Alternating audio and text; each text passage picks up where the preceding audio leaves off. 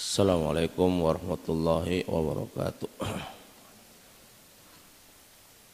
Alhamdulillah wassalatu wassalamu ala Rasulillah wa ala alihi wa sahbihi wa mawala amma ba'd. Pagi ini insyaallah kita akan bahas sebuah hadis terkait dengan keutamaan amalan yang keutamaan bulan Syaban yang harus kita lakukan. Dan kita akan berhenti sejenak memahami hadis tersebut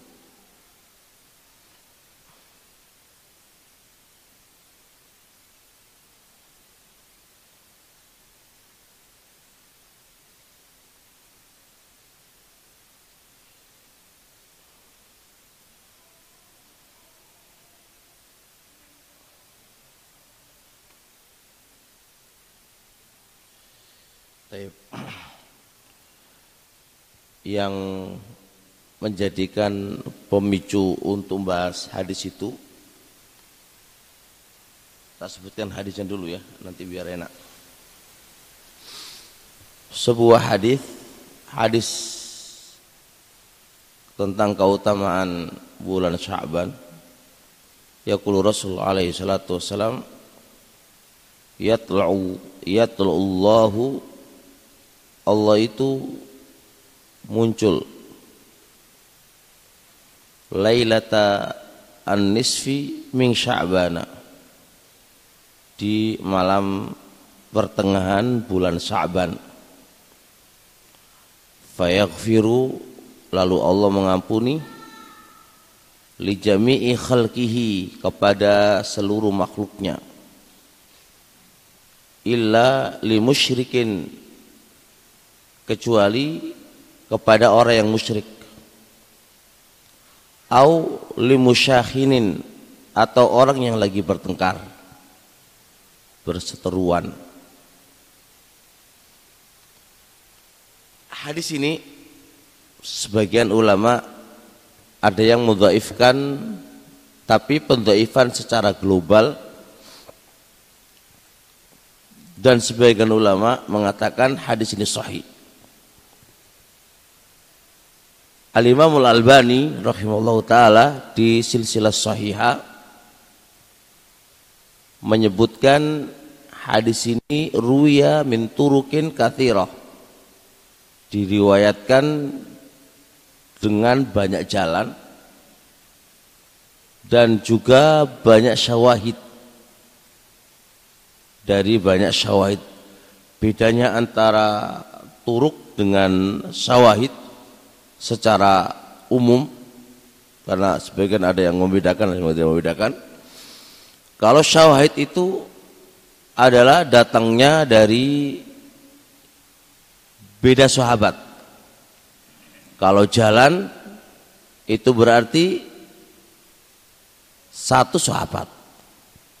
Kalau min turukin kathira berarti satu sahabat banyak jalan wa min syawahid kathira dan penguat-penguat syawahid berarti dari banyak sahabat.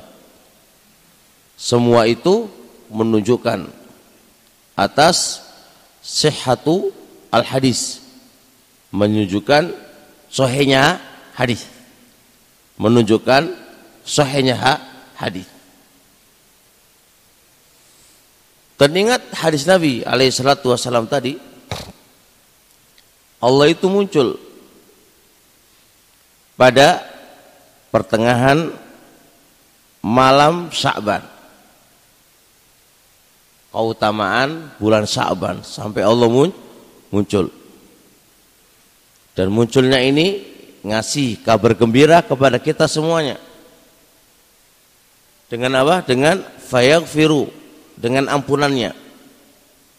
Allah akan mengampuni kepada seluruh makhluknya tanpa terkecuali kecuali dua orang illa limusyrikin kecuali orang-orang yang menyekutukan Allah Subhanahu wa taala Dan yang kedua, orang yang apa? Yang musyahin. Yang berseteruan, yang bertengkar. Dua orang ini tidak diampuni oleh Allah di malam itu.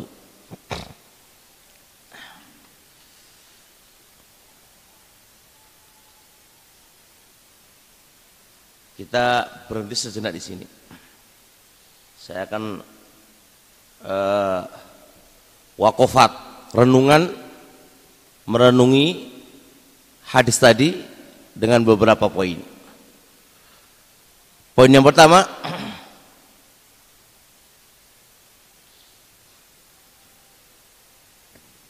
adalah ucapan beliau illa li, ucapan Nabi alaihi salatu wasalam illa li musyrikin. Ini nukta titik utama, titik pertama.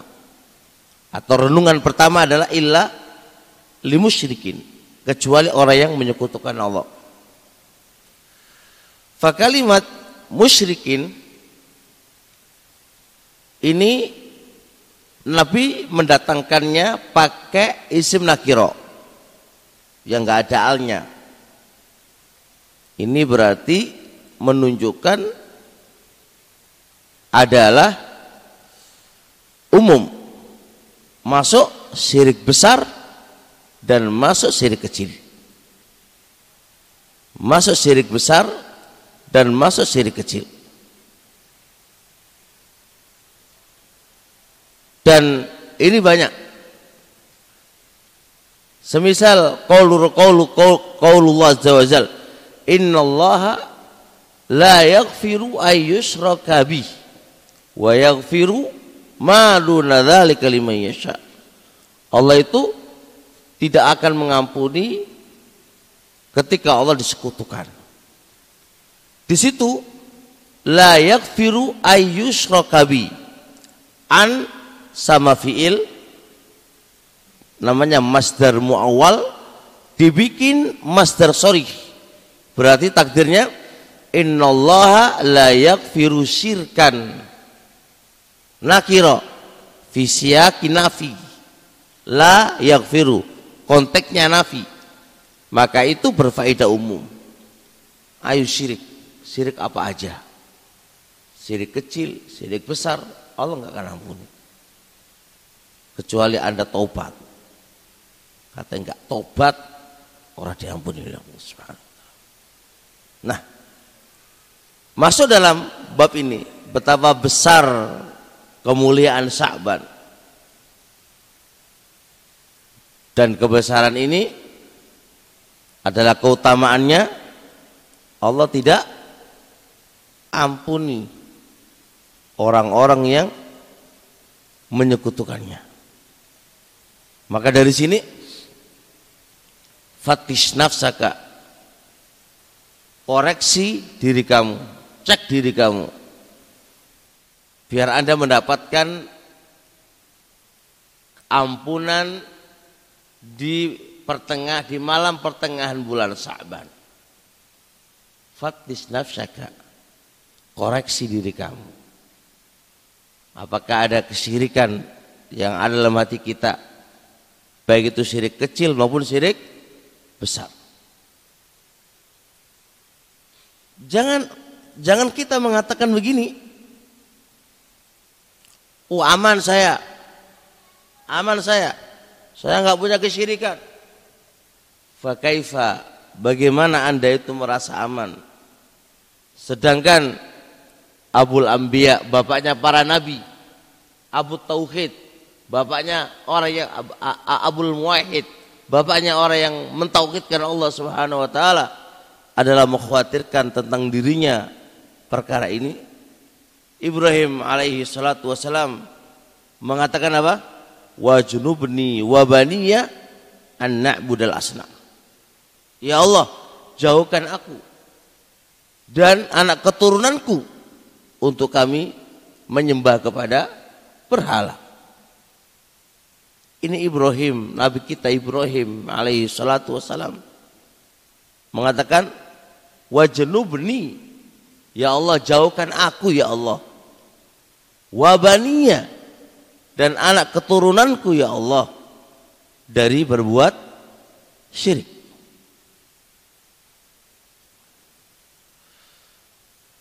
Kemudian Ibrahim At-Taimi rahimallahu taala mengatakan, "Man ya'malu al-bala'a ba'da Ibrahim?" Siapakah yang merasa aman dengan ujian syirik? Dengan ujian syirik setelah Ibrahim alaihi salatu wassalam. Fala ya'manu al-wuku'a fi syirki illa man huwa jahilun bih. Tidak akan merasa aman dari kesyirikan kecuali orang itu bodoh tentang kesyirikan.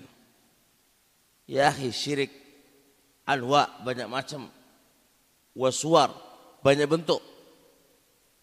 Apa-apa yang mungkin anda bebas dari syirik bentuk syirik terjama di zaman dahulu tapi bisa jadi kita jatuh pada kesyirikan di model zaman sekarang.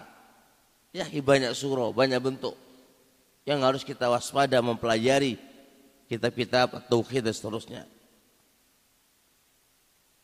Nabi Yunus alaihi salatu wasalam berdoa kepada Allah Subhanahu wa taala Allahumma inni a'udzubika an usyrika bika wa ana a'lam wa astaghfiruka lima la a'lam.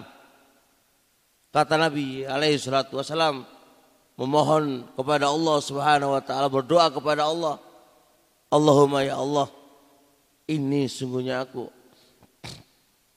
A'udzubika, aku berlindung dengan Engkau ya Allah. An usyrika bih, untuk aku menyekutukan kamu. Dan saya mengetahuinya. Dan aku meminta ampun kepada Engkau ya Allah dari apa-apa yang aku tidak mengetahuinya. Ternyata itu adalah bentuk kesyirikan. Rasul alaihi salatu wassalam dalam doa ini dipisah antara doa yang dia antara penyekutuan yang dia ketahui dengan bahasa a'udzubika aku berlindung dengan kamu ya Allah dengan aku menyekutukanmu dari aku menyekutukan kamu sedangkan aku mengetahui. Dan syirik yang tidak diketahui Rasul alaihi salatu wassalam membahasakan aku meminta ampun. Bedakan aku berlindung di awal dan aku meminta ampun pada yang kedua dan yang kita takutkan adalah di poin yang kedua ini. Bisa jadi pada poin yang kedua ini ya. Mungkin yang pertama juga mungkin gitu kan. Tapi bahasa yang kedua ini loh. Dan aku meminta ampunan kepada kamu ya Allah. Untuk dari aku menyekutukan kamu. Sedangkan aku tidak mengetahuinya. Ini yang harus kita cermati. Dan kita tidak bahas. Bab ini kita hanya lewat aja. Nah, Mehwan, jadi kesimpulannya harus kita perhatikan lagi. Nabi Yuna alaihi salatu juga mengatakan apa? Akhwafu ma akhafu alaikum asyirkul asghar. Fakila ya Rasulullah. Fasuila Rasul alaihi salatu wasalam. Maka apa? Fakol arya'u. Sesuatu yang paling aku takutkan kepada kalian adalah syirik kecil. Syirik asghar, syirik kecil. Nabi ditanya, apa itu syirik kecil? Qala arya. Inilah yang harus kita uh, muhasabah mengulang lagi dari semua amalan-amalan kita baik itu ibadah yang kecil atau ibadah yang besar. Ibadah yang nampak atau ibadah yang tidak nampak. Maka murnikan Anda beribadah kepada Allah itu dafik dorongan Anda bukan karena riaan wa sum'ah karena manusia. Tapi dafik kita di dalam menjalankan ibadah ini tidak ada lain karena hanya mengharap pahlamu ya Allah. Hanya mengharap engkau ya Allah. Tidak ada yang lain dalam diri anak diri kita kecuali hanya engkau ya Allah. Dan ini ada butuh pembaharuan, butuh diawasi, butuh dijaga di setiap saat. Sebab ini hari ini kita mukhlis, belum tahu satu jam setelah jangan satu jam dua menit setelah kita beramal. Apakah itu karena Allah Subhanahu wa taala atau ataukah tidak ini yang harus kita jaga selalu. Dan ini perbuatan ini syirik kecil atau syirik besar ini itulah yang mengharamkan kita tidak mendapatkan ghufranud dzunub ampunan dosa besok di malam apa? Di malam pertengahan Syaban ini sudah berapa Syaban ini? 10 kurang lima hari lagi susah lagi maksudnya. Tapi yang kedua renungan yang kedua dari hadis tadi adalah khuturatus sahna wal baghdha bainan nas. Bahayanya perseteruan bahayanya marah-marah antara manusia bahayanya perseteruan, bahayanya pertengkaran, bahayanya dendam, kesumat di antara manusia. Dan dendam, marah-marah, para ulama menjelaskan ini terbagi dua. Ada marah ada marah, ada pertengkaran, perseteruan li ghardin syar'iyyin. Dan ada perseteruan li ghardin dunyawiyin. Yang dimaksudkan di dalam hadis itu walaupun hadis ini bersifat umum tapi para ulama memaksudkan yang dimaksudkan orang yang berseteru di sini adalah perseteruan yang itu bukan karena perkara syar'i tapi perkara duniawi. Maka cek hati kamu apakah kita berseteru kepada teman kita kepada manusia dengan tetangga atau yang lain?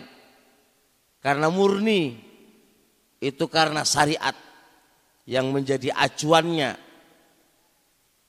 Ataukah karena nafsu saja? Atau intinya adalah nafsu kemudian ditunggangi dengan syar'i atau bagaimana? Maka masing-masing yuhasib mengoreksi. Karena yang tahu hanyalah Allah Subhanahu wa taala tentang apa-apa yang di dalam hati kita. Dan kita harus sodik sama Allah. Jujur bersama Allah. Dalam rangka meraih keutamaan yang besar ini. Keutamaan yang besar dari Allah subhanahu wa ta'ala berupa kufranud dunub. Ampunan-ampunan dosa. Siapa orangnya yang tidak butuh dengan ampunannya Allah subhanahu wa ta'ala. Dan kita juga nggak tahu apakah setelah nisfu Sa'ban ini Allah ngasih panjang umur kepada kita. Atau kita tidak atau kita masih diberikan oleh Allah panjang umur. Kita nggak tahu. Yang penting orang yang berakal selalu tidak menyanyiakan berupa pemberian Allah dan anugerahnya Allah kepada kita semua semuanya.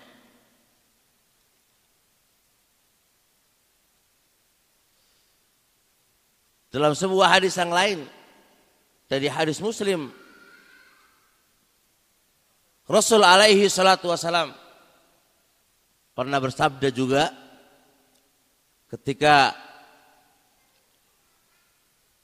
pada hari Senin dan Kamis itulah hari pelaporan amalan-amalan kita di depan Allah Subhanahu wa taala.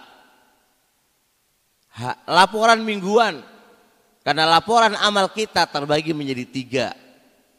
Ada laporan harian dan ada laporan mingguan dan ada laporan tahunan. Yang kita bahas di sini adalah laporan mingguan. Laporan mingguan. sebuah hadis yang diriwayatkan oleh Imam Muslim tuftahu abwabul jannah dalam hadis Muslim juga bukan ini ya ini ketahuan ke kota mana ini. Ada hadis juga turadul amalu. Amal itu ditayangkan kepada Allah. Kulla yaumil khomisi setiap hari Kamis wal isnain dan hari Senin. Ini ditayangkan per mingguan setiap hari Kamis dan setiap hari hari Senin. Fa uhibbu an asuma fihima. Dan aku senang berpuasa di dua hari itu. Dikarenakan apa? Dikarenakan dua hari itu hari penayangan, hari pelaporan. Hadis ini tadi diriwayatkan oleh Imam Mungdir dalam kitab Targhib Targhib dan juga yang lain. Di riwayat yang lain ketika hari Kamis hari Kamis itu amal dilaporkan kepada Allah Subhanahu wa taala katanya Allah fala yukbalu fala tuqbalu qati'u rahimin maka nggak diterima. Laporan orang yang memutus silaturahim. Pemutus silaturahim laporannya catatannya rapotnya nggak diterima oleh Allah. Nggak anak nggak mau terima ini. Hentikan dulu. Hatta yastaliha. Sampai dia berdamai dulu. Maka Ayo kita cek. Pemutus silaturahim berat. La yadkhulul jannata qati'un. Tidak akan masuk ke dalam surga orang yang memutus silaturahim. Oleh karenanya rapotnya enggak diterima oleh Allah Subhanahu wa taala. Fattish nafsaka. Kita cek diri-diri kita. Apakah kita memiliki sifat ini ataukah tidak? Maka renungkan.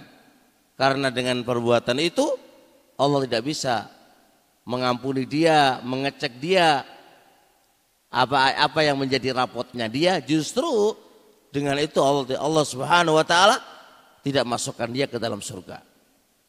Kemudian dalam hadis yang lain Rasul alaihi salatu wasallam bersabda tuftahu abwabul jannah.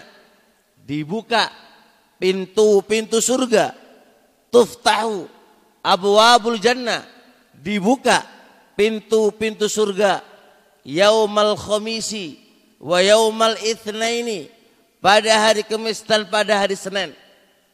Fayaghfiru maka Allah mengampuni. Likulli abdin semua hamba. La yusyriku billahi syai'a yang dia tidak menyekutukan Allah subhanahu wa ta'ala sedikit pun illa kecuali ada orang yang dia mentauhidkan Allah Subhanahu wa taala tapi dia punya amalan yang menyebabkan dia tidak bisa diampuni oleh Allah. Siapakah orang ini? Rajulan bainahu wa baina akhihi syakhna.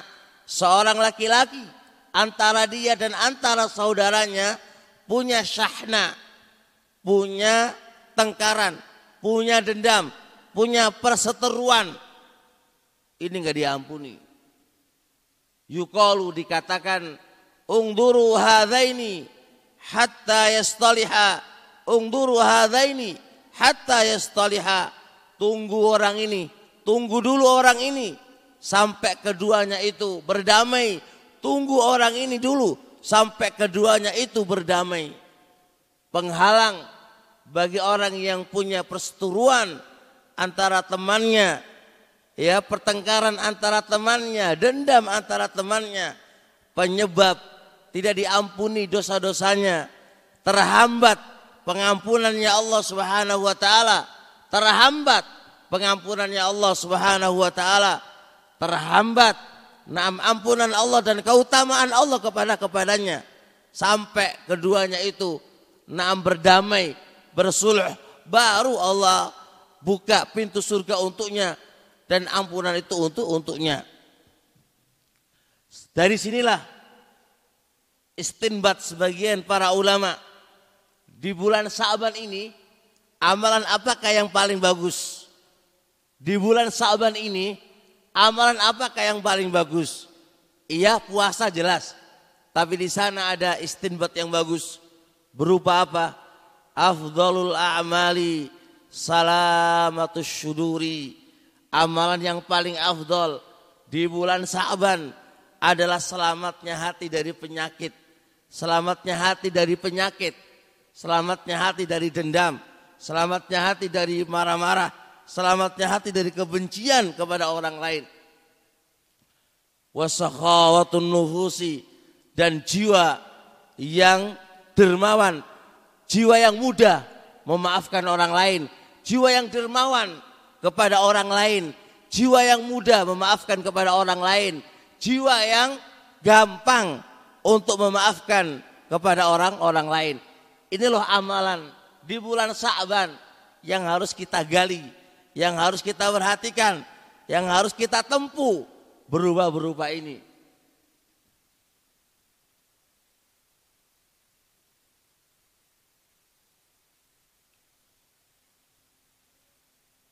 Kemudian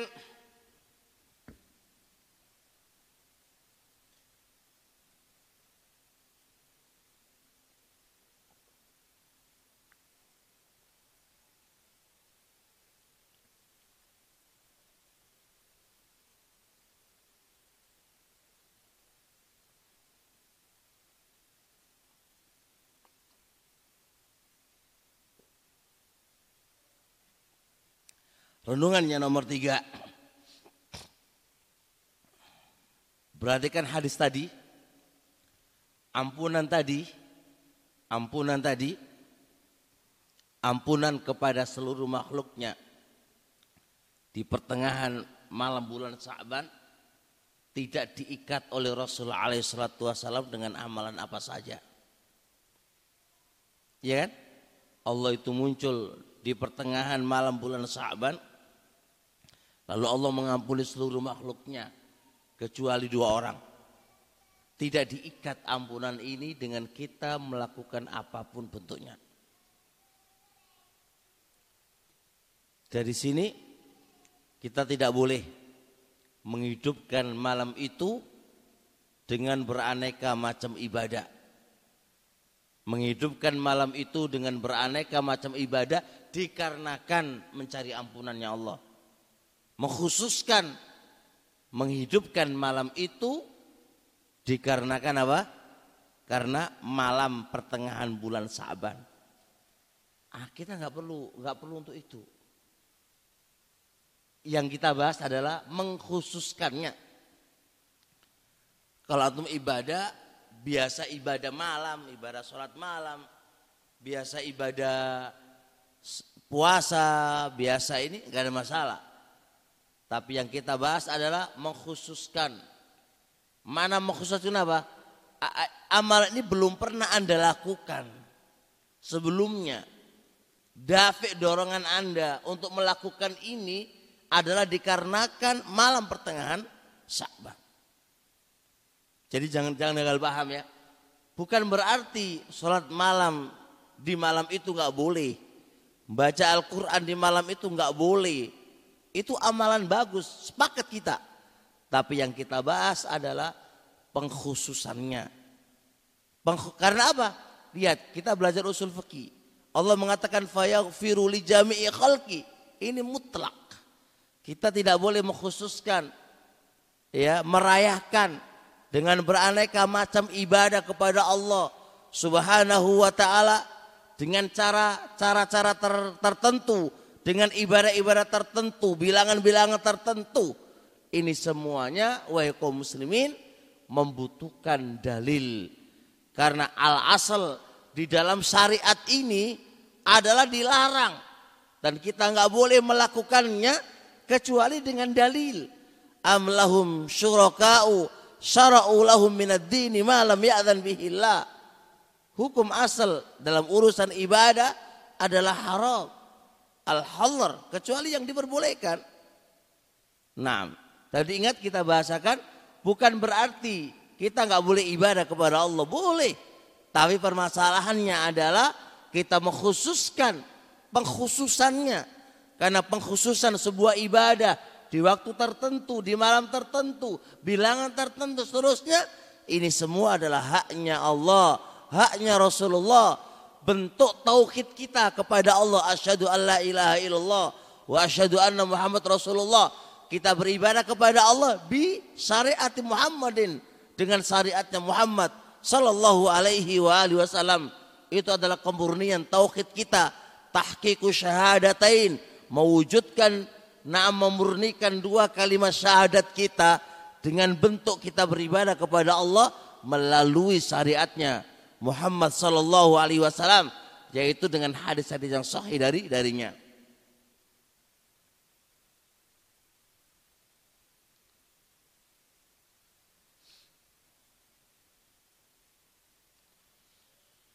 Nah,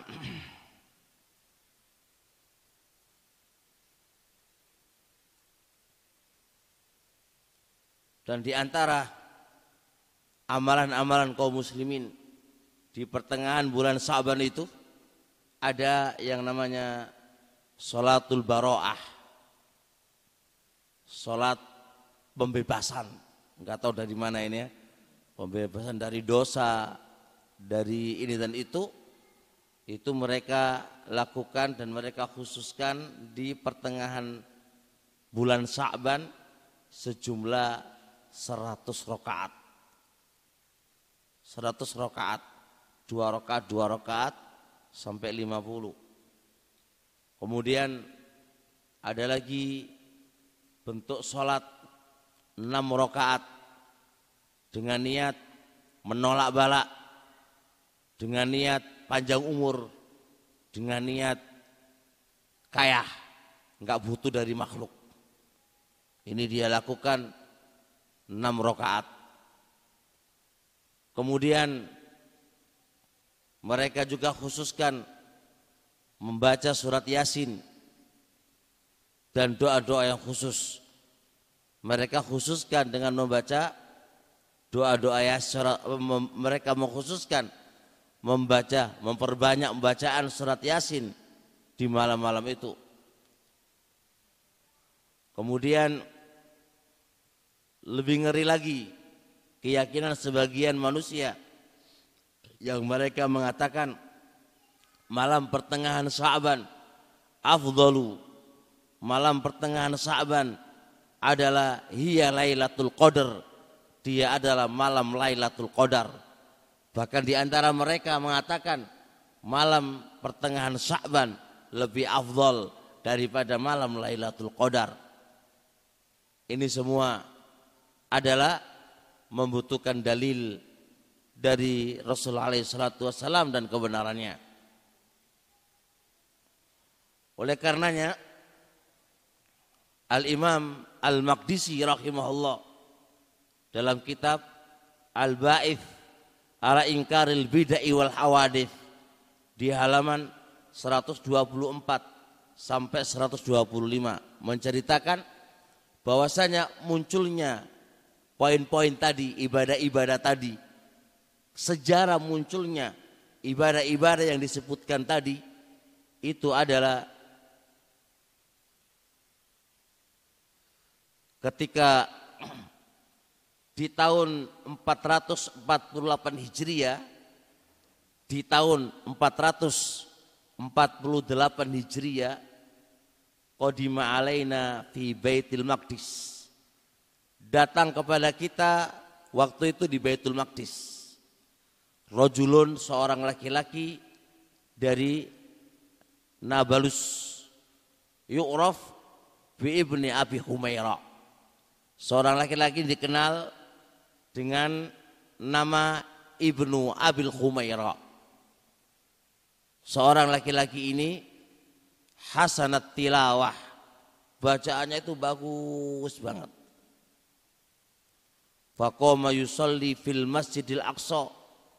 Maka dia pun berdiri salat di Masjidil Aqsa lailatan nisfi min Sya'ban pertengahan malam di bulan Sya'ban Nah, waktu itu karena bacaannya enak kan, maka datanglah orang satu lagi, datang orang sampai full.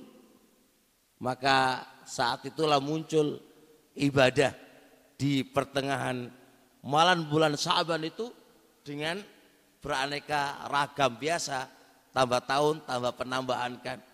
Eh, tatawurat ya, tatawurat. Ya perkembangan kan. Yang dulu awalnya hanya sholat saja setetang setelahnya dan yang lain semakin berkembang berkembang. Tapi sebenarnya awal terjadinya itu ya ibadah di pertengahan itu adalah di tahun 448 Hijriah waktu itu di Baitul Maqdis. Oleh karenanya dalam kitab As-Sunan wal Mubtadi wal As-Sunanu wal Mubtada'atu beliau menceritakan An-Najm Al-Ghaiti menceritakan qad angkara dzalika aktsarul ulama'i telah mengingkari perbuatan-perbuatan ibadah secara khusus di pertengahan malam Sya'ban itu telah diingkari oleh aktsarul ulama kebanyakan para ulama min ahli Hijaz dari ahlu Hijaz. Siapakah dia? Minum atau wabnu Abi Mulaikah wa fuqahaul Madinah wa ashabu Malik wa qalu orang-orang ini semua mengatakan dzalika kulluhu bid'atun semua yang mereka lakukan itu adalah bid'ah tidak ada dasar dari Nabi dan para sahabat yang mulia Naam dan para tabi'in yang mulia melakukan perkara-perkara tadi.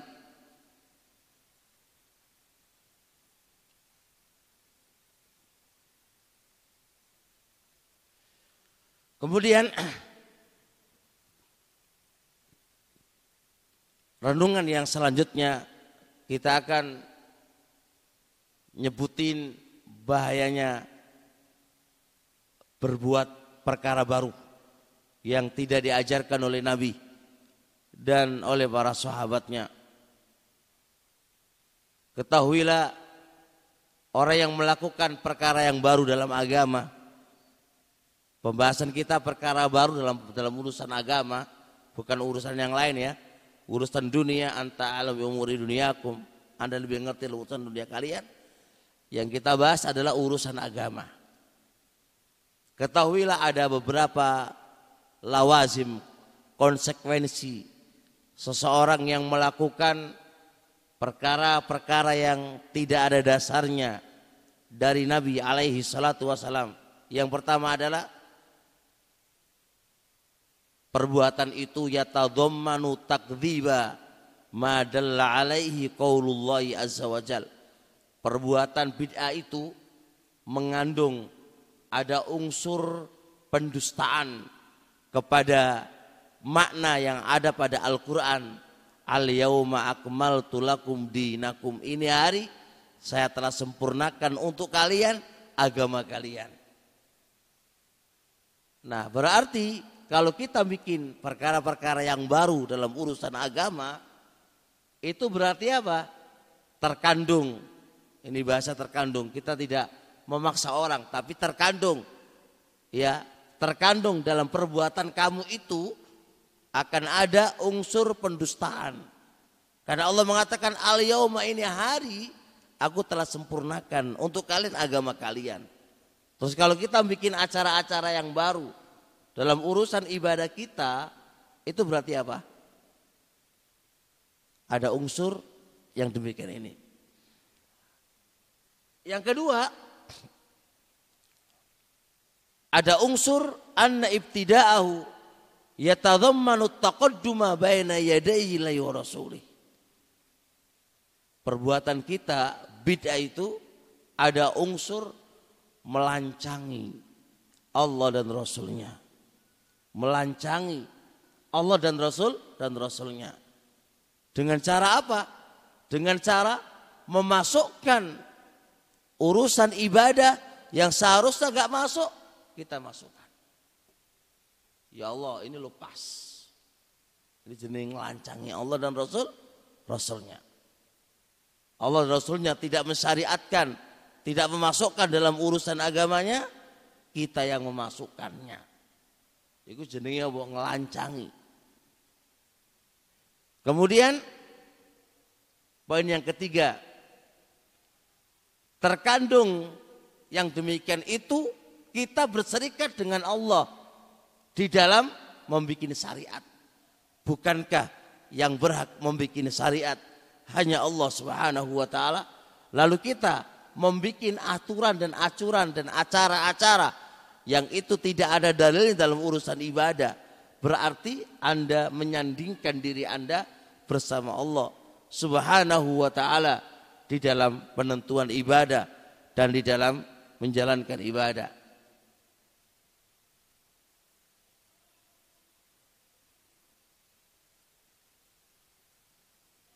Poin yang keempat, perbuatan bid'ah kita ini menuntut satu dari dua perkara. Pertama, Nabi itu bodoh tentang amalan yang kita lakukan. Atau Nabi itu ngerti tapi disembunyikan nggak disampaikan kepada kita. Dua ini, satu dari dua perkara ini. Kok bisa? Perbuatan yang kita lakukan dari perkara-perkara yang baru dalam urusan agama kita yang Nabi dan para sahabatnya tidak melakukannya berarti apa? Iman Nabi itu nggak ngerti lebih pintar aku daripada Nabi gitu kan? Atau Nabi itu ngerti cuma Nabi nggak nyampaikannya kepada kita. Nabi sembunyikan. Dan dua lazim ini, konsekuensi ini besar banget. Besar banget. Dan berat banget. Berat banget. Ini secara singkat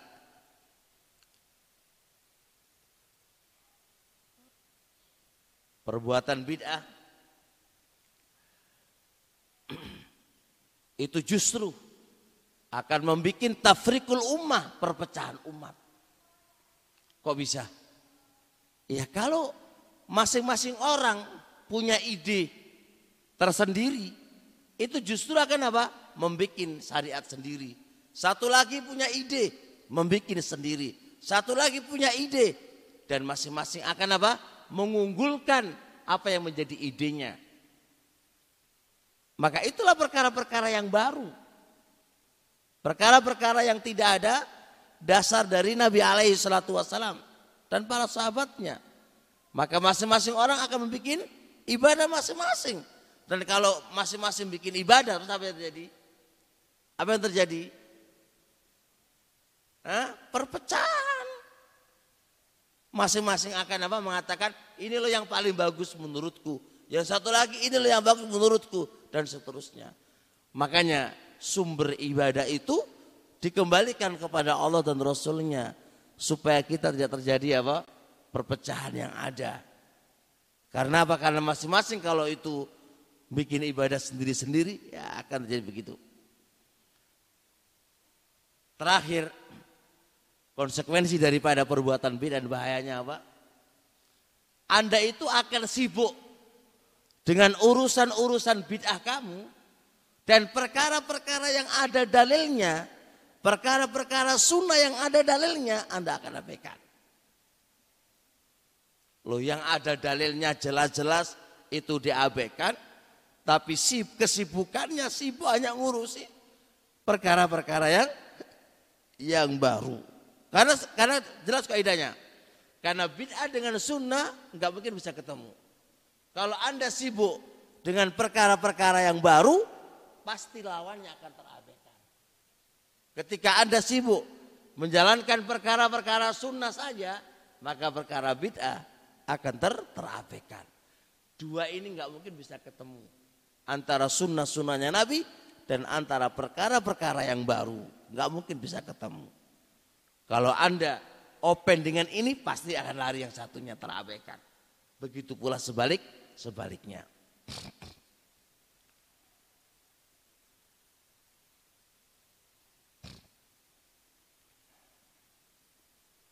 Kemudian satu lagi lalu selesai. Renungan yang kelima, yang berapa? Yang keenam. Masya Allah. Menjadi enam ya. Padahal di otak saya itu hanya ada empat. Ini pengembangan namanya. Yang terakhir adalah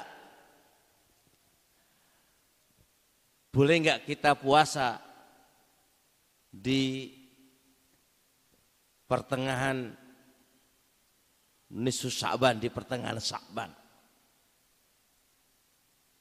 Ini pengembangan yang nomor 6 ini sedikit lagi insya Allah. Tapi ingin pulang ilmu nih. Datang sebuah hadis. Hadis ini masyhur ma'ruf hadis Abu Hurairah. Riwayat Tirmidzi dan lainnya. Kata Rasulullah SAW, "Idzang tasofa Sya'banu fala tasumu." Apabila di pertengahan bulan Sa'ban maka kamu jangan puasa. Ini hadisnya. Idang tasofa sya'banu fala tasumu. Apabila di pertengahan bulan Sa'ban maka jangan kamu puasa. Hadis ini diperselisihkan oleh para ulama. Ada yang mengatakan hadis ini sahih dan ada yang mengatakan hadis ini lemah. Syekh Lalbani mengatakan hadis ini sahih. Syekh Mukbil mengatakan, guru kami di Yaman, mengatakan hadis ini lemah. Taib. Kalau hadis ini lemah, selesai urusannya, nggak ada masalah. Kan begitu. Kalau hadis ini sahih, ini yang jadi masalah. Kenapa kok jadi masalah? Karena hadis ini akan bertentangan dengan beberapa hadis yang yang menjelaskan Nabi itu memperbanyak puasa di bulan Syaban. Sampai Aisyah mengatakan, "Mara'aitun ya aku nggak pernah melihat Nabi istakmalo, istakmala menyempurnakan syahron satu bulan full kotu sama sekali ila fi Ramadan. Kecuali di bulan Ramadan. Dan saya tidak pernah melihat Nabi alaihi salatu wasalam aktsarosiyaman, aktsarosiyaman memperbanyak puasa kecuali di bulan Sya'ban. Sampai-sampai Nabi itu apa? Seakan-akan apa? Karena yasumu syahron kullahu. Seakan-akan Nabi itu puasa satu bulan full. Dan nggak mungkin ini terjadi kecuali apa? Pasti puasa setelah pertengahan Sya'ban. Nah, ini gimana kan itu kan? Oleh karenanya para ulama berbeda pendapat di dalam mengkompromikan dua hadis ini. Dua hadis ini. Bagaimana? Yang paling bagus adalah wawakolu syafi'iyah juga sebagai ulama syafi'iyah.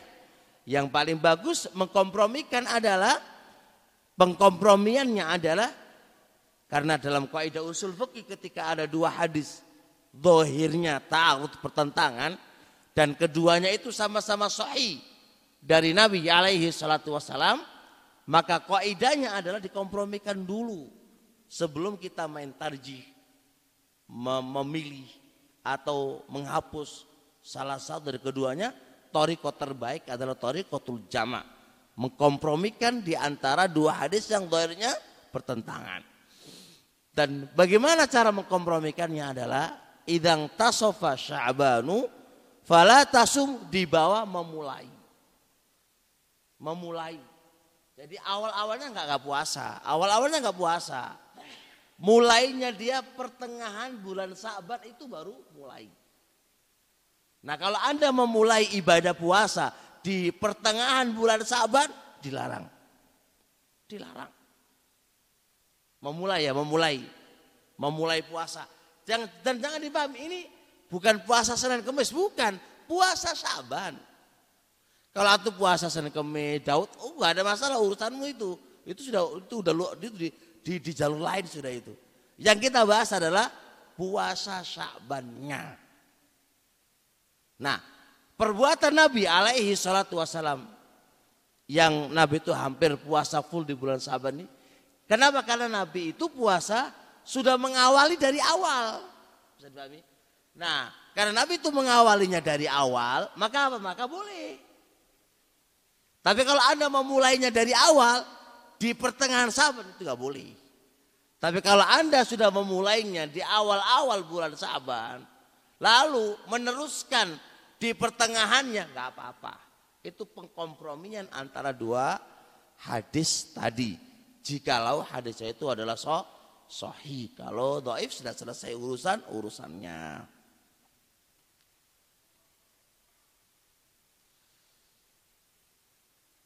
Baik ya, sampai di sini insyaallah taala semoga bermanfaat dari yang disampaikan tadi. Uh,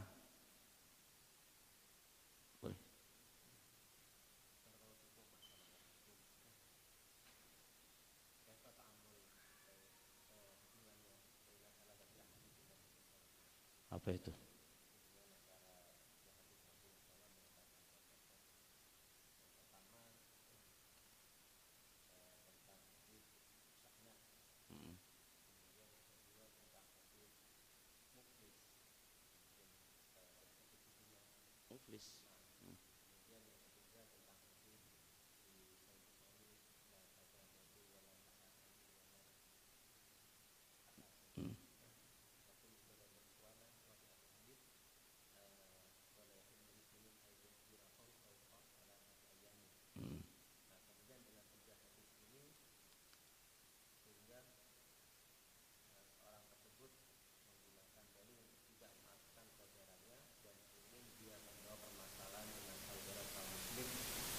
sehingga menghadap Allah kelak di kiamat sehingga dengan itu sampai berhari-hari bahkan berbulan-bulan tidak mau bermuamalah atau berkata di dunia dengan saudara saya lihat justru saling mendukung.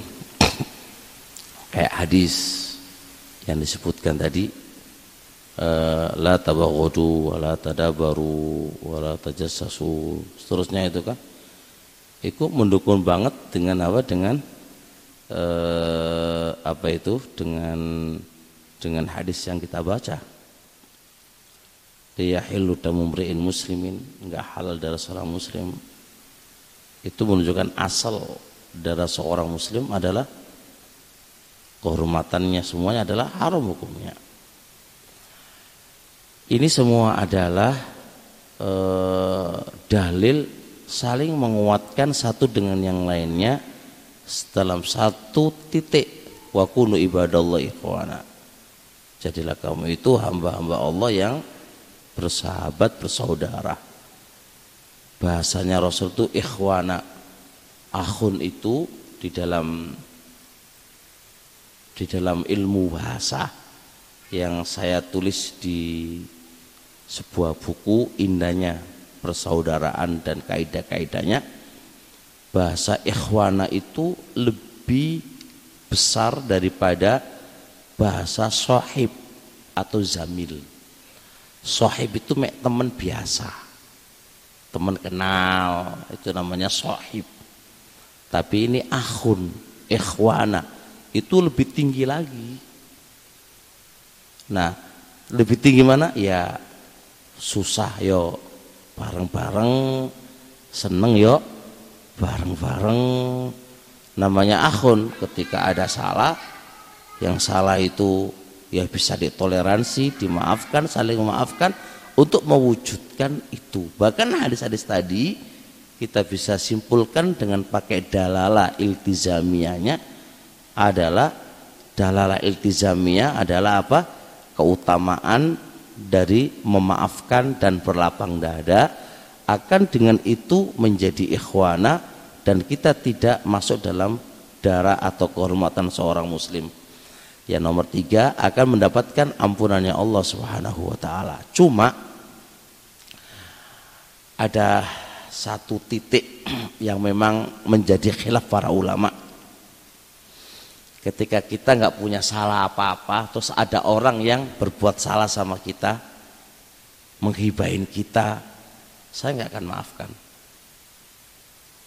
Itu memang ada khilaf di antara para ulama ini. Tapi diikat dia tuh nggak punya salah dia. Ada orang hibain dia ada orang yang berbuat dolim sama dia tak tunggu besok di akhirat. Kenapa dia punya perasaan itu di antara saya dan saya punya pendapat kayak gini ini? Apa yang menjadi uh, acuan dia berpendapat begini ini? Acuannya adalah besok di akhirat itu kita butuh pahala. Butuh pahala banget nah ketika ada orang yang mendolimi dia menggibain dia kan enak. Besok itu kan apa? Tertransfer kan ada dru namal muflis. Tahu nggak anda orang-orang yang muflis itu? Nah kan orang muflis kan akhirnya tertransfer kan itu kan pahalanya kan? Tertransfer. Dia berpegang dengan ini atau dru namal muflis. Jadi besok Orang yang menggibahin saya, oh tak ambil di akhirat. Pegangannya.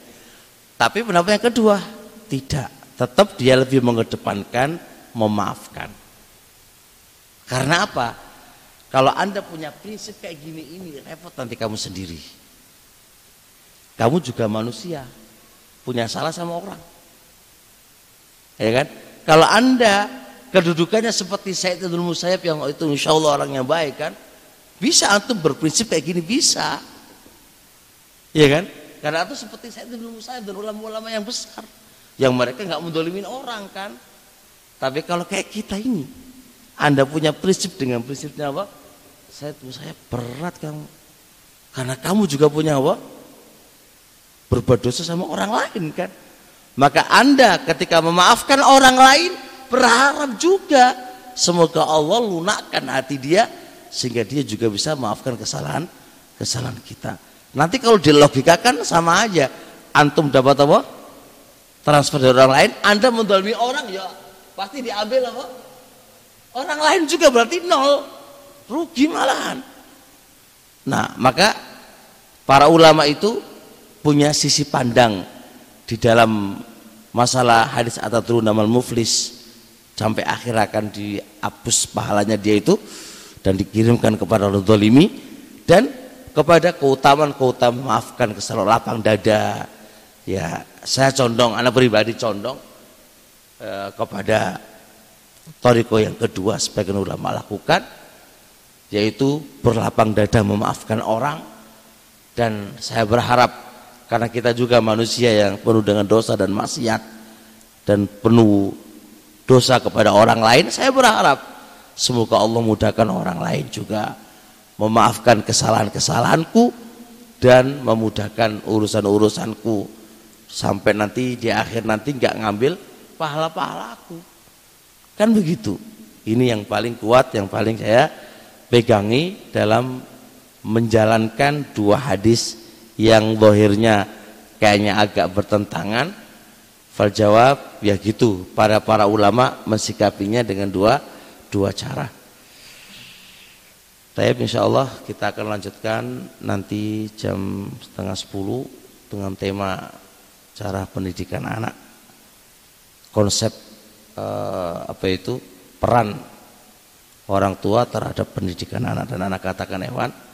Tema ini saya bisa katakan fardu ain bagi yang berkeluarga harus sama-sama mempelajari ini dan saya bisa katakan lagi bahwasanya urusan makannya anak itu mudah sudah dijamin oleh Allah. Yang susah itu adalah apa beban pendidikannya anak ini berat. Berat banget dan ini harus kita kaji. Dan ini ingat anda jangan salah memahami peran pendidikan anak itu diberikan kepada pesantren itu salah. Konsep salah itu. Harusnya konsep itu adalah ke orang tua dulu dan pendidikan yang paling eh, cemerlang adalah pendidikan saat dia masih kecil bersama orang tua. Itu pendidikan cemerlang. Dan itu pendidikan karakter dan pendidikan apa? Eh, karakter ya pendidikan karakter itu ketika saat itu. Nah, justru pondok itu hanya membantu ya membantu saja. Jadi konsep utamanya, peran utamanya adalah orang tua. Makanya di buku nggak ada uh, kewajiban pesantren di anak orang ono. Ya semua larinya ke orang orang tua. Ya orang tua ada orang tua asuh orang tua temenan. Tapi kan yang paling pertama ini kan orang tua asli. Ini gimana? Ini kan harus diperhatikan. Dan yang paling peran paling utama adalah ibu-ibu. Harus hadir kedua-duanya. Karena ini konsep penting yang harus diperhatikan oleh kedua orang tua. Gimana mau jadi anak soleh dan soleha? Kalau tidak ber, tidak terkonsep tidak ter, terkonsep. Taib subhanakallah alhamdulillah Assalamualaikum warahmatullahi wabarakatuh